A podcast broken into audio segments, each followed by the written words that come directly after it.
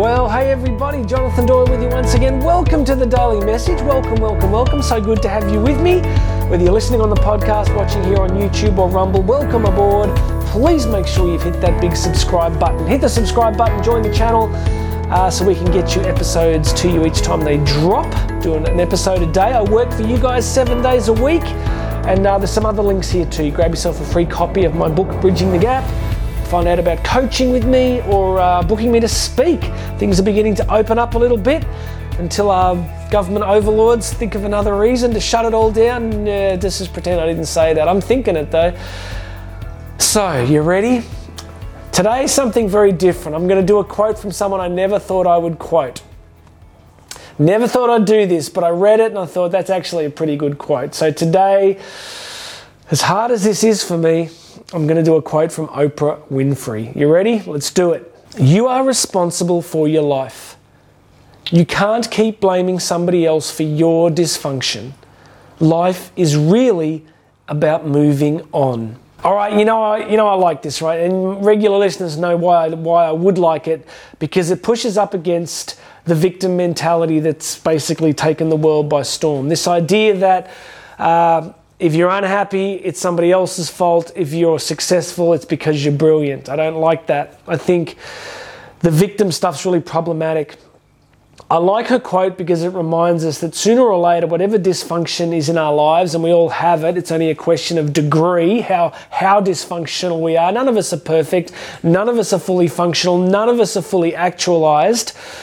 But the problem becomes when we spend huge amounts of time endlessly looking for people, reasons, circumstances, experiences, and trauma that created dysfunctional behavior patterns. Now, this is contentious. Some people get quite upset by my take on this because they think that I'm saying, well, you should never really try and figure out why things have happened, or you should never hold people to account of things that have happened. Sure, do all of that go to therapy, find out what happened, journal it, make sense of it. But at the end of the day, when you've done all that, your life is still going to keep going on, right? So even if you've articulated and understood all of the reasons that you may be, you know, have all the problems that you might feel you have, this is what I found. I found after doing a lot of this kind of inner exploratory work that what I ended up with really was a narrative. What I ended up with was a story about why I was the way I was. And sure, it might have been accurate, but it didn't particularly help me to change. What helped me to change was kind of the realization that no one's coming to the rescue. My life is no one's problem but mine. And I need to move forward. I needed to move forward. And it's very hard to walk forward looking backwards. It's not impossible, you can do it, but you tend to trip over a lot. The way to move forward is to look forward. So, this idea of forgiveness, it's interesting that in the Our Father, right, the Lord's Prayer, which is probably the most widely known prayer on the planet, it says, Forgive us our trespasses, forgive us our sins as we forgive those who sin against us. I often say, of all the things that Jesus could have said, right? He could have given us all sorts of ideas and concepts in that prayer, but for some reason, this idea of we will not experience forgiveness and healing until we've accepted and forgiven and healed those people and situations and circumstances that have harmed us.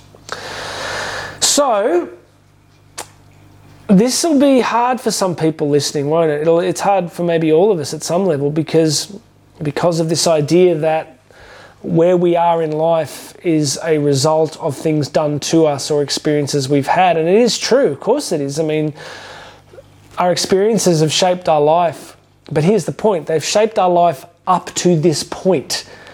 They don't have to shape our lives permanently. You can't walk forward looking backwards.